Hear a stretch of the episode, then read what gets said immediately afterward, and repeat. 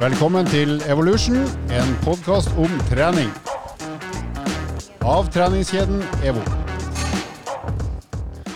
Slipp hingstene løs, det er vår. Jeg sitter her med to våryre, relativt unge menn som eh, gleder seg over varmt vær og eh, godt humør, god stemning i livet deres, eh, mens mitt eget liv som vanlig er på en terningkast tynn treer. Men det er godt å være tilbake igjen. Det er lenge siden sist, folkens, så vi beklager det.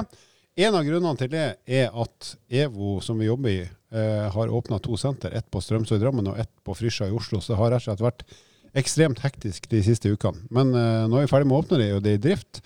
Så da ønsker vi eh, velkommen tilbake til en ny podkast, og vi ønsker også velkommen til mannen i nazibrun flanellskjorte, Andreas Skjetne. Velkommen. Takk, takk. takk, takk. Jeg vil si gjerne grønn, jeg. Tidsriktig antrukket. Tids skrives hvordan? ja, Det spørs om det er uh, norsk ditt eller? tastatur eller mitt. Britisk eller norsk? Hvorfor har du på deg nazibrunt i dag, Andreas? Du, sannheten er jo ofte ganske enkel. Det var denne skjorten eh, som hang imot meg i skapet når jeg skulle velge i dag tidlig. Det lå nærmest når du strakk ut armen? Den lå nærmest. Det, så enkel er egentlig klesstilen min at det var det plagget som først ankom hånda. Så har vel du generelt et sånn jordfargetema i stort sett all bekledning, har du ikke det? Ja. Eh, en gang når eh, jeg bodde sammen med noen kompiser, så skulle jeg fikse klærne når vi flytta inn. Og da tenkte jeg det må jo være genialt å ha et åpent klesskap. Så da kjøpte jeg meg hengere, altså sånn eh, stativ på Ikea. Så droppa jeg skapet. Og da når jeg hang opp alle T-skjortene og alle skjortene mine, så skjønte jeg jo at jeg er ganske ensformig og ensfarga. det var mye grått, og det var, det var, mye brunt. Så nei da. Har du, fått, har, du fått, høre at det kler øya dine? Er det derfor? Nei, jeg har jo ikke det heller, så det kan jo hende det fins farger som gjør meg bedre enn det her. Men uh, det, det, er ikke veldig viktig for meg. det er ikke det. Du har vel, du har vel eh, etter at, ettersom du har en far som har vært i militæret, så går vel du i konstant beredskap, så du har alltid på deg litt sånn eh, kamuflasjeprega antrekk? Ja, altså det er jo en fordel uh, hvis alarmen går, at du er i tilnærma det antrekket som du skal i krig med. Da. Så Det er jo en sånn klassiker når man er inne til militærtjeneste, at noen tenker 'jeg skal være smart', og så sover de rett og slett i uniformen. Prøv å gjette hvem som bl.a. gjorde det på forsvarskolen. ja. Det var undertegnede! Jeg kan tenke meg det. Men uh, apropos, nå skal ikke vi harselere med krig, for det foregår trasige ting i Ukraina. Men, uh, så det her har ikke noe med det å gjøre. Men det var rett og slett bare antrekkets uh, farge som satte meg på sporet av kamuflasje og slikt. Andrea, eh, Andreas er ferdig med deg, men Lars, du er jo også her, og du har ikke på deg brunt, men grått. Kjedelig, trist farge, men ja. Og, og han som uh, sender ut pepper for dårlig fargevalg, sitter sjøl i svart og grått. Så det er en største gjeng. Nå ja, ja, fremhever vi brystene dine og tricepsen din. Og fremhever hudfargen min. Ja. Den, eh, den, overdelen er såpass trang at jeg vil jo kalle det for en topp. Tank-topp. Bar mage har jeg òg, faktisk, hvis jeg strammer til litt. Ja, den er gammel. Jeg har oppdaga nå, etter jeg har fått påtalt det fra flere i dag, at jeg har hull i albuen. Ja. Og da har jeg svart at jeg har hull andre plasser òg, men jeg skal ikke si hvor. Ok, folkens. Det er vår, og han som har på seg brunt, han skal snart ut i en uh, permisjon à la pappa. Har du planlagt hva du har tenkt å bedrive tida med da? Uh, ja, det har jeg faktisk. Uh, og jeg, jeg, hadde en liten tanke om at det skulle være mulig å kanskje nesten løpe hver dag. Men jeg, jeg har jo ikke forankra det her hjemme. Uh, jeg trenger jo ikke å forankre det med hun som skal opp i vogna, for hun tror jeg syns det er helt ålreit. Men mora som da skal på jobb på sykehuset der hun er sykepleier, jeg er litt usikker på om jeg må fortelle det til hun. Det skal du jo ikke. Nei. Nei, så jeg kan jo egentlig bare gjøre det. Hun skal være glad for at barnet får frisk luft. Ikke sant? Uh, og den optimale dag da er jo én treningsøkt. Uh, men også da uh, oppsøkende virksomhet av utsalgssteder som har kaffe og bolle. Så jeg ser jo egentlig for meg kanskje et liv hvor jeg på starten av dagen kjører treningsøkta. Og så på tidlig ettermiddag så kjører vi en sånn gjør ting som du aldri har tida til ellers. Så kanskje jeg rett og slett bare ramler innom Fram-museet på Bygdøy og Munch-museet. Hva, hva, hva, er det folk gjør når de bruker opp helgene sine? på en måte? Det, det, er det jeg skal finne ut. Ikke sant? Men uh, du har joggevogn, eller? Jeg har uh, joggevogn, jeg har uh, vanlig vogn, vi har reisevogn, og vi har sykkelvogn og skivogn. Så den, den, nye beboeren hjemme hos meg eier jo da såpass mye at det er fullasta. Både på balkongen og i boden. Og kostnadene har skutt i taket. Det er dyre saker. Jeg får kjøpe. Jeg trodde jo det at jeg slutta å dra på byen, skulle liksom det skulle jo virkelig skape et overskudd, men øh, sannheten er jo at foreløpig er det et underskudd. Gnagerne er dyr. Men eh, jeg har jo også invitert deg til hjemmekontor med gnager, hvis du vil. Altså hjemme hos meg. Gnager er også Gnager. dyr. Gnager er også dyr. Ja, det er jo uh, kjælenavn på barn. Så du er hjertelig velkommen med barn. Uh, både Da kan du trene hjemme i kjelleren hvis det er dårlig vær, eller så kan du springe ut mens jeg passer på ditt utmerkede barn. Jeg tror kanskje du øh, Det er lenge siden yngstemann hos deg var så liten. Jeg tror ikke du helt veit hva du begir deg ut på. Jeg har gjort det tre ganger før, så det, går, det kommer til å gå bra. For jeg vet at det er midlertidig for min del. Det som eh, akkurat har skjedd hjemme nå, da, det er jo at eh, den ungen har da lært seg å smyge bortover gulvet. Altså med litt sånn irriterende lyd over at det ikke krabbes. Eh, og da gjerne etter meg, i håp om at jeg skal løfte opp. Eh, hun skal ikke ha meg til å gjøre noe når jeg løfter opp, for da har jeg på en måte oppnådd målet. Så setter jeg hun fra meg på bakken igjen, og så begynner hun å følge etter meg. Så det er sånn evig sånn misfornøydhet, eh, hvor jeg da går evig rundt med dårlig samvittighet og liksom må plukke henne på, da, hvis hun først har krabba hele veien etter meg. Det er bra at hun krabber, for det er jo bra for kjernemuskulaturen. Eller hur? Trening, det. Men Lars, du har lagt ut mye eh, utrivelige bilder fra oss fra din mm, ferie. Vi er rett og slett irrit irritert på at du har hatt det altfor kult i ei ukes tid. Hva har du drevet med? Du, jeg har eh, fått eh, tatt meg en liten ferie fra, fra hverdagen. Så jeg var i Alpene. Jeg har jo ikke en Du har gnag- koblet ut? Ja. Jeg har ikke en gnager som følger meg, men andre gnagere. Eh, Så jeg dro til Alpene, dvs. Si Chamonix. Og det skal sant sies, det er fantastisk eh, å komme seg ut av landet. Det har vært eh, to og et halvt år, nesten, eller to år uten eh, utenlandstur. Så det, man merker jo fortsatt at det er noen restriksjoner her og der. Og det å puste gjennom et munnbind i, på 3500 meter høyde, det er ikke alltid like gøy. Har du drevet med fjellklatring og munnbind parallelt? Eh, nei, ikke fjellklatring, men i en gondol så måtte du ha på munnbind. Men eh, utover det så er det jo fri, fritt, frilt, eller eh, fritt frem Ja. i Alpene. Men det er dårlig med snø. Eh, klimaendringene har eh, satt sine spor, så det er mindre snø enn på ti år i det stedet jeg var nå. Chamonix. Testa du det franske utelivet? Eh, nei, Altså ikke sånn, ikke sånn skikkelig. Dessverre.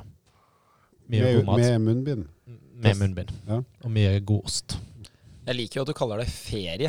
Jeg tenker jo liksom, eh, Ja, det er kanskje ferie for Lars, og så er det den eh, verste dagen i en kjendis liv på Kompani Lauritzen. Det er jo De og klatre rundt oppi en fjellside på over 3000 Ja, meters stemmer høyde. det. Det er jo helt Det er ikke, forferdelig. popul- det er ikke populært blant alle, det. Nei, det tror jeg ikke er ferie for de fleste. Altså. Nei, det fikk litt klatring, litt ski og litt randonee, og en tur gjennom Italia. Og ja, bare nytt liv, rett og slett. Og Hvordan sto det til Italia? Skal de til sommer. Er det, like, er det landet like ubrukelig som i 2020, når jeg var der sist? Ja, de, faktisk, de har de strengeste restriksjonene. Men de har skjerpa seg, altså? Ja, ja, de, til dels. Jeg fikk så enormt voksenkjeft, da. For de hadde feil munnmaske eller munnbind på meg. Så det, de der helse de vi har i Norge, de blå, de funker ikke der. Da må man sånn hvit som ser ut som en maler. Oi. Ja, ja, da må jeg ta Så- med den der maska jeg brukte til fluorpulveret da, på langrennsskia, kanskje. Det er Ja, safe. det, det, da er du safe. Den eller den du bruker når du sliper. Men eh, Italia, altså Nord-Italia, det er jo velfungerende. Ja, ja. Eh, Altså, altså alt eh, nord for Sør-Italia er velfungerende uansett hvor i verden du er. Men eh, Så ja, jeg er enig. Altså, det er jo et, det er den beste versjonen av Italia. Men hvis du har vært i Tyskland i et par dager først, så blir du jo skuffa selv i Nord-Italia. Men der er du inne på noe, fordi helt nord i Italia, der det er veldig velfungerende altså Hvis vi sier at liksom fra eh, sånn type Genova eller kanskje Milano og nordover, så blir det bedre og bedre. Så når du kommer opp i Tyrol, da begynner det å bli skikkelig bra. Og Det er, hvorfor? det er jo fordi det er tyskere som bor i Italia. Det er for at det snakkes tysk. Det snakkes tysk. Så, så italienere er ikke velfungerende, det er bare at det er tyskere på italiensk God side. krysning.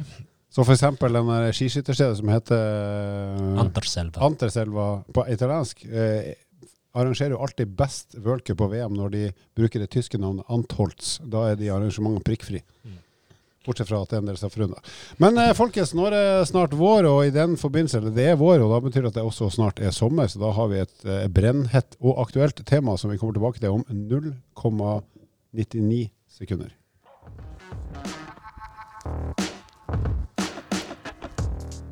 Det var litt lenger enn et snøtt sekund, men eh, det vi skal snakke om er den såkalte sommerkroppen, eller det å slanke seg til sommeren.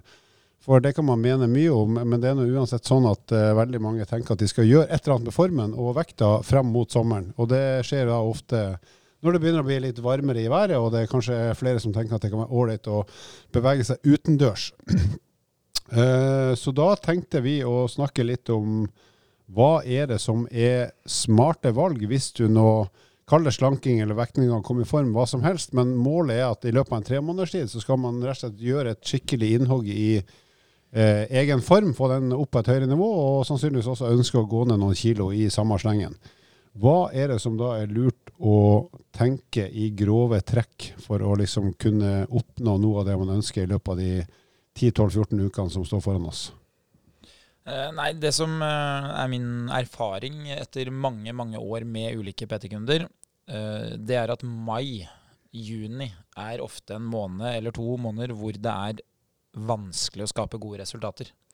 Og Grunnen til det er jo at mai starter jo ofte opp med at det er ganske mange uker som ikke er hele. Altså du har eh, fridager som gjør at plutselig så blei det kanskje en langhelg på hytta, kanskje det blei en tur et annet sted, kanskje det blei noen middager, det blei grilling. Så trikset er jo å komme i gang nå, og ikke vente helt til man står midt i mai og tenker at oi, nå må jeg virkelig gjøre det. For hvis du dobler tida, så kan du jo halvere resultatet. Så det blir ganske mye lettere hvis du har litt bedre tid på deg. Og eh, fokusområder, eh, der er det jo sånn at eh, alt avhenger av målsetning. Hva, hva er det du ønsker å oppnå? Det er pri én. Uh, og så er det jo sånn at Statistisk så må man jo anerkjenne at uh, veldig mange kunne jo tenkt seg å kanskje redusere kroppsvekta litt grann, og, og få litt bedre fysisk form. Uh, og for de som det er hensiktsmessig, og det gjelder jo da faktisk én uh, av to, viser jo ganske mye uh, av den forskninga som gjøres på befolkninga, så kunne det vært gunstig med en liten vektreduksjon. Og i studio her ser vi tre. Hvem av oss tre er det som burde, som burde ha gått litt ned til sommeren. Den som burde spist Så ser du på meg? Nei, jeg ser ut i lufta. Jeg ser ut. Den som burde spist mer mat fram til sommeren, det er i hvert fall deg. Han som har klatra mest siste uka. Han som er lettest.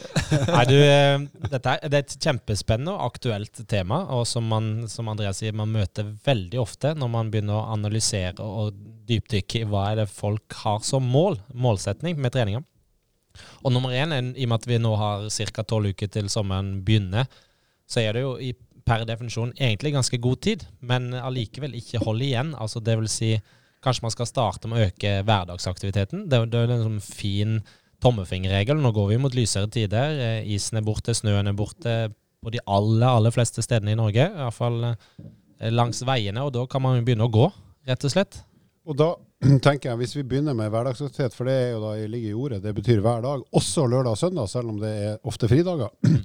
Hva skal vi sette som en minimumsanbefaling for de som har lyst til å ta det her seriøst? Jeg er frista til å si at du bør, hvis du har som mål å komme i bedre form til sommeren, så bør du gå minst én klokketime hver dag.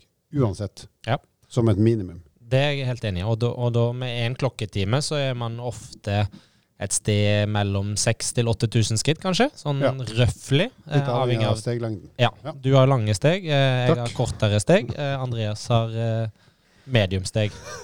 Nazisteg. Han går jo bare og marsjerer. han. Fem appellers marsj. Men eh, ja, så, så da havner du der. Og så hvis du i tillegg eh, selvfølgelig går litt eh, hit og dit, så havner du kanskje rundt si 10 000-12 000 da, skritt i løpet av en hel dag. Avhengig litt av en annen type aktivitet og jobb osv. Og, så og da, da er du godt innafor det som måte, anbefales eh, som et minimum, kan man vel si, per dag. Og hvis vi skal bare dykke litt mer i denne hverdagsaktiviteten, hvordan skal vi få tid til det? For det er klart, klarer du å sette av en time hver dag til og slett, nå, nå skal jeg gå, jeg skal gå en time, og det er det jeg gjør, selv om du hører på podkast eller hva som helst annet i tillegg, så, eh, så er det perfekt. Men hvis du ikke har den timen liksom, som du vet at du kan bare ta av hver eneste dag, hva kan du gjøre da for å allikevel klare å samle opp en drøy time på, per døgn eller per dag? Nei, Man bruker jo ofte sånne små eller enkle tips, da, som å gå til, eh, gå til jobb, f.eks. Eh, sette på en podkast som Evolution, og så rusle til jobb. og Da må man ofte kanskje stå opp litt tidligere. Det er jo heldigvis litt lettere nå, med tanke på at det er litt lysere. Eh, og så er det jo å gå til bussen, gå til T-banen, eh, de toget for den saks skyld. Og så er det å legge en aktivitet, f.eks. Eh, si de som har familie, da, som Andreas nå. det å gjøre noe aktivitet, gå litt mens barna er på trening f.eks., istedenfor å sitte i ro, som veldig mange gjør. Så er det å, å legge det inn når de er da i, under aktivitet. Så, så tar man seg en rusletur i nærområdet, og så henter man barna igjen etterpå, f.eks. Altså gå i forbindelse med jobb, enten til og eller fra, eller på jobb. Eh, gå når eh, du har transportert eh, barn eller andre til en, en deres aktivitet, så har du tid sjøl, istedenfor å bare kjøre hjem og sitte stille. Så bruk den tida der. Og kanskje du til og med kan eh, gå til butikken hvis ikke den er altfor langt unna, og du ikke skal bære tonnevis av mat og drikke hjem igjen. Blei. det skal være mulig for de aller aller fleste å få til en klokketime per dag med å gå, på et eller annet vis. Ja, og så er jeg en fan av at man kan gjøre eh, ting litt mer tidseffektivt. Det vil si f.eks. hvis man skal møte en eh, kamerat eller venninne eller kollega for den saks skyld, ta det møtet eller samtalen eller sosialiseringa eh, ut med en aktivitet. Altså man kan gå, eh, eventuelt løpe, hvis det, som vi skal snakke litt mer om òg, som en annen aktivitet. Eller kjøre òg eh, den turen på kveldstid, f.eks., eh, ute det, ved at man går og kombinerer det samtidig som man er sosial. Og hvis du da er i bedre form enn den du skal ha møte med, eller snakke med, og du helst ikke vil at den du går med skal si for mye, så bare går du så fort at en person blir andpusten, så må snakke i korte setninger. Ja. Så slipper du for mye gnål. Et gammelt triks for de som er i bedre form enn den de går sammen med. Ok, da har vi dekka hverdagsaktiviteten, så minst én klokketime hver dag, og ikke tenk på å lage unnskyldning for at ikke det går, for det går. Mm. Hvis du er interessert i å gjøre det her ordentlig. Så har vi det vi kan kalle trening, da, som kommer på toppen av det her. Hvis vi begynner med kondisjonstrening i en eller annen form, innendørs, utendørs, hva er det som kan være lurt å tenke at man skal gjøre da, sånn på ukentlig basis i hvert fall?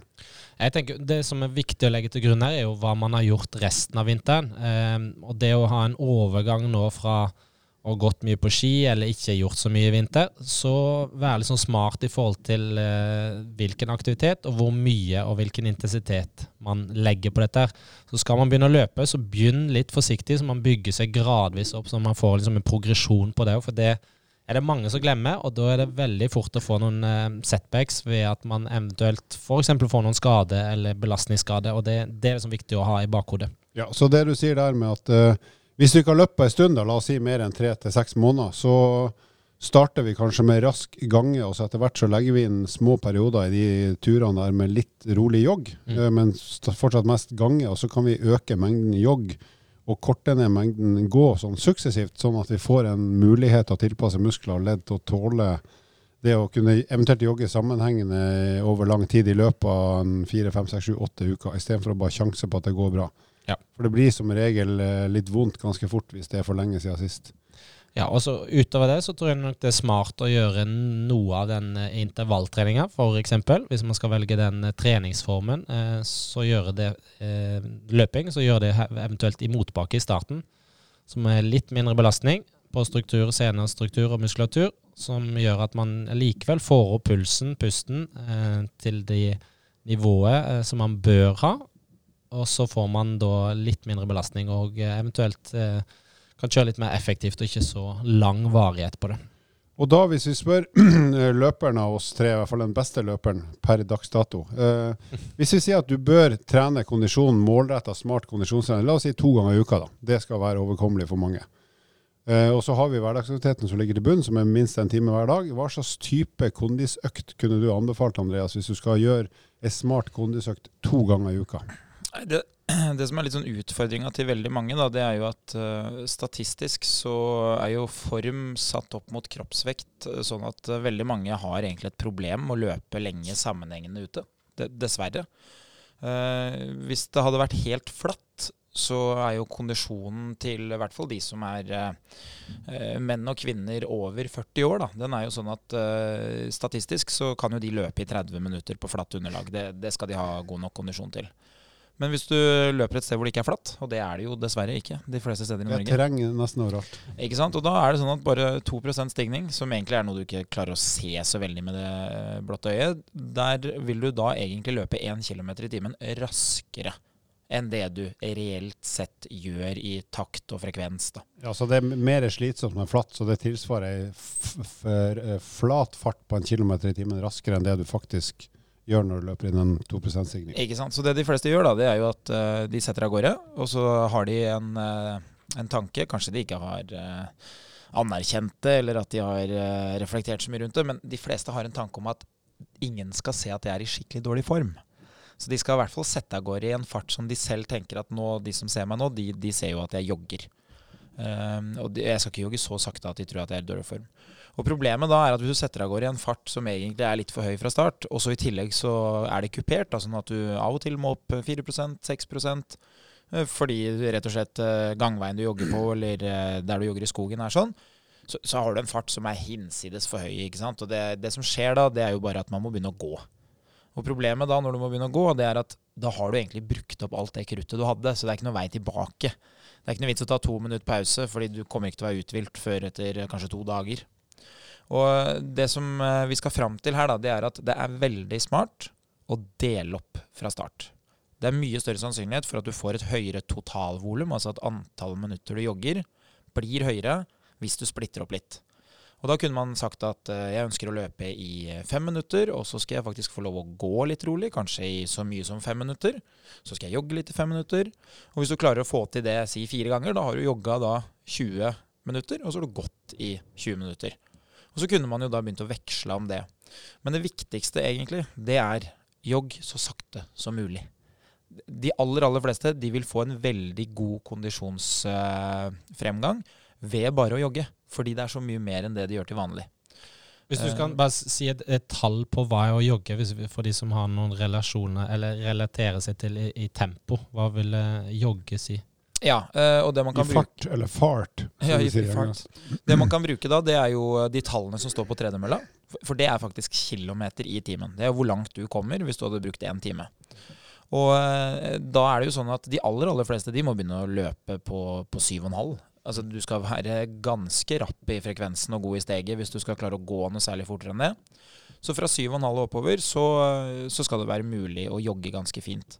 Men problemet er at når vi kommer opp til 9, så har vi kvitta oss med over halvparten av befolkninga. Mm. De, de, har ikke god nok kondisjon, så hvis det jeg setter på 10, da, så vil de fleste ikke henge med mer enn 3-4 minutter. Og da er vi tilbake til problemet at de klarer ikke å Selv om de får hvile i to minutter, så blir det ikke nye fire minutter. Det blir kanskje to minutter. Og joggeturer på seks minutter, det vil være så lite at det må være så mange av de for at det skal bli noe særlig fremgang. Så det blir bare dårlige opplevelser. Så derfor, så sakte som mulig, splitt opp.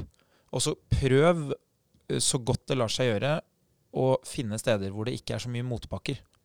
Så hvis du da f.eks. bruker type lysløype, eller at du bruker en gangvei, eller eh, noe som da har litt kupert underlag, så kan det være smart å løpe der det er flatt, og der det er slakt nedover og så går du alle motbakkene. Fordi det som trolig vil skje da, hvis man hadde sett på pulsen din, det er egentlig at pulsen er ganske jevn.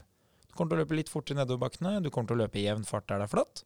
Og så kommer pulsen til å holde seg stabil i motbakkene, fordi det koster kroppen uh, mer enn nok, selv om du går. Og hvis vi gjør det her to ganger i uka, da, uh, hvor lang, lang, tid tenker du at man skal ha hver økt, som er sånn da en blanding av gå- og joggetempo? Hva, hva tenker du er fornuftig dose? på de to øktene? Nei, jeg er ganske overbevist om at hvis du egentlig hadde hatt 20 minutter to ganger på rad, så hadde du blitt i bedre form. Men da vil du bli så raskt mye bedre form at 20 minutter er jo ganske lite. Ja, 20 minutter jogg, da, tenker du? Eller total Ja, totaltid på total. 20 minutter. Så hvis mm. du sier at i uke én så hadde du klart 20 minutter, kanskje du jogger i ti, går i ti. mm. og så hadde du klart det en gang til, så allerede da uka etter så ville du nok fint ha klart å jogge i 15 minutter. Fordi idet du har funnet en fart og en takt, så er det ikke noe problem å strekke varigheten. Det er jo å, å, løpe fortere som på en måte blir eh, jobben. Så hvis du holder deg til å løpe så sakte som mulig, du holder deg til å løpe der det er flatt og nedoverbakke, så vil du kunne gå fra 20 minutter til 30 minutter ganske kjapt. Og så vil det jo være sånn at i motsatt ende, hvis du da får litt fart på formen, så er det nok ikke så fornuftig å bruke så mye mer enn kanskje 40 minutter til en time.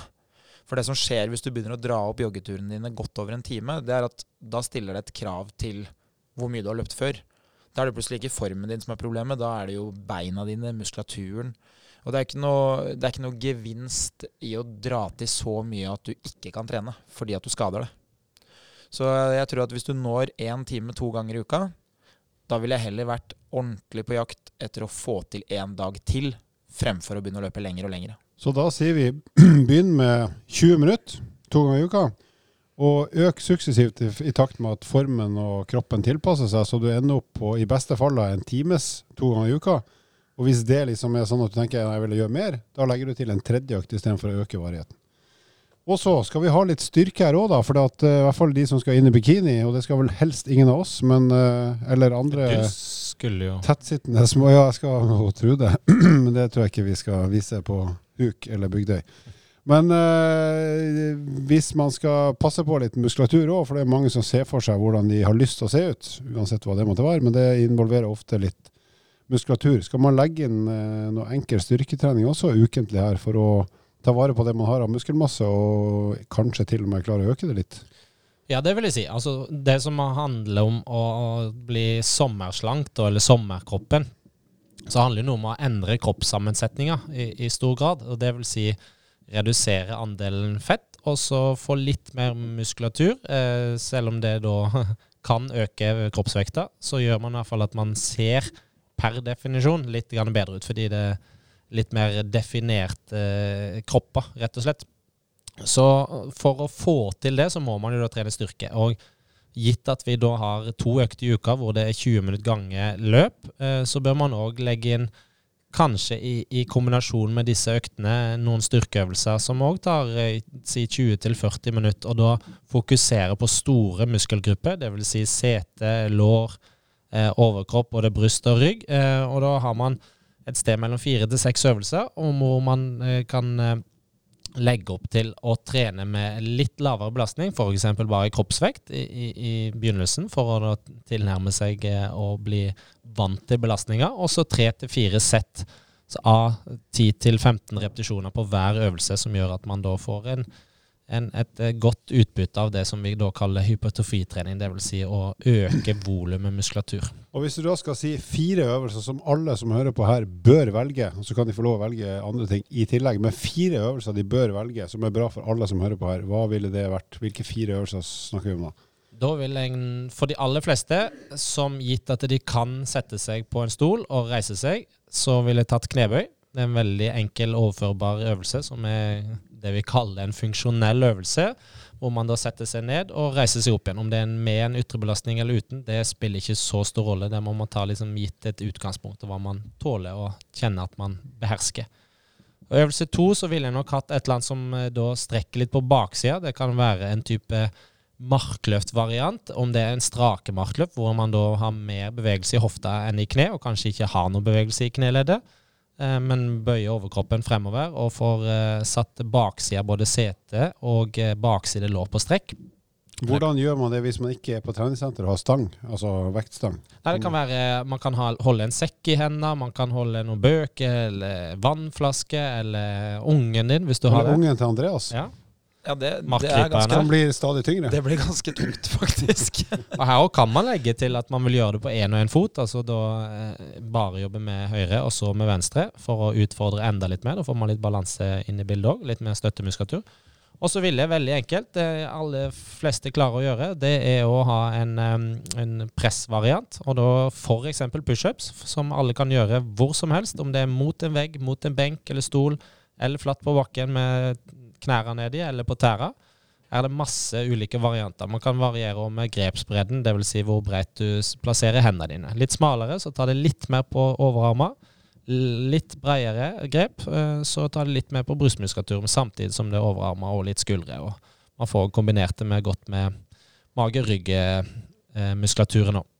Og så ville jeg hatt en trekkvariant, og det kan være en eh, enarmsroing, som de fleste kan gjøre hjemme. Dvs. Si jobbe med høyre og så med venstre. Og da kan man òg bruke den samme sekken eller vannflaska eller en manual for den saks skyld, hvis man har det tilgjengelig. Også, eller en strikk som man har festa i bakken, og så trekker man da albuen tett inntil kroppen og fører da armen bakover, så man da jobber med eh, ryggmuskulaturen og baksiden av, eh, av ryggen og eller, på ryggen, og, og armbøyerne. Forside rygg, altså forside rygg. og armbøyerne, dvs. Si de som er på fremsiden av armen, som òg får jobba litt her.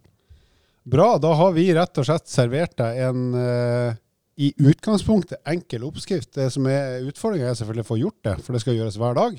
Litt hver dag, og i noen dager skal det gjøres litt mer enn litt. Og da blir det resultatet uh, sannsynligvis ganske betydelig i løpet av de neste tre til fire månedene hvis du starter med en gang du hører det her og da gitt at du hører det før sommeren 2022. Vi skal straks over til å diskutere siste nyhetssaker på et særdeles lavt nivå, så heng med oss litt til, folkens.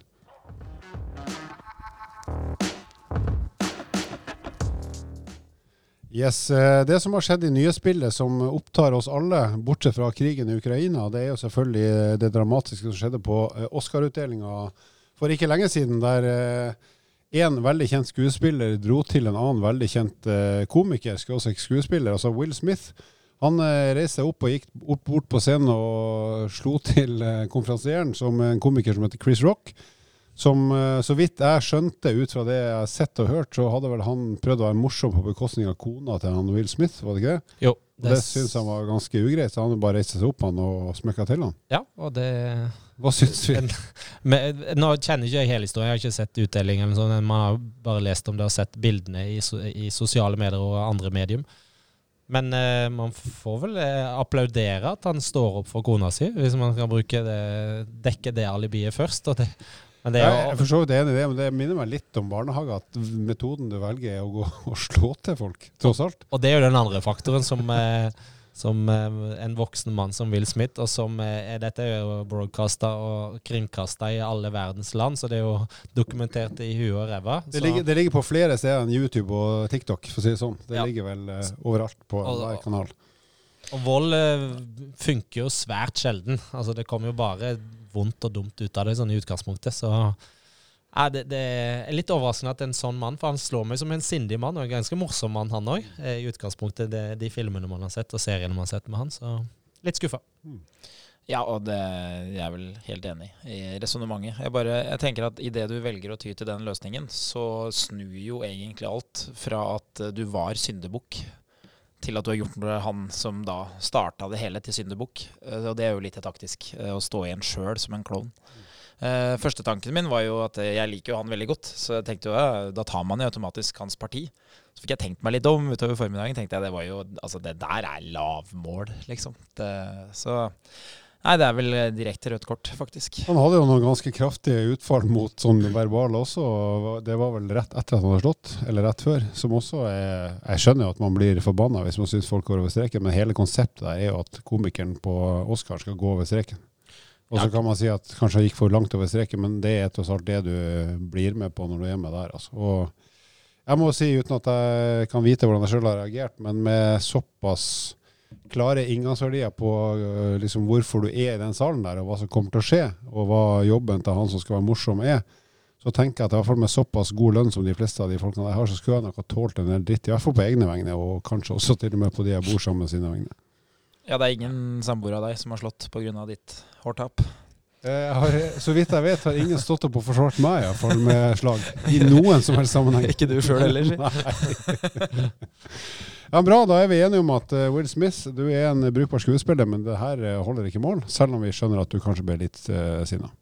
Så med det sier vi takk for oss, og så høres vi faktisk ganske snart. For vi skal lage flere podkaster om meget kort tid. Sayonara. Vil du vite mer om trening, abonner på podkasten og sjekk ut vårt treningsmagasin på evo.no.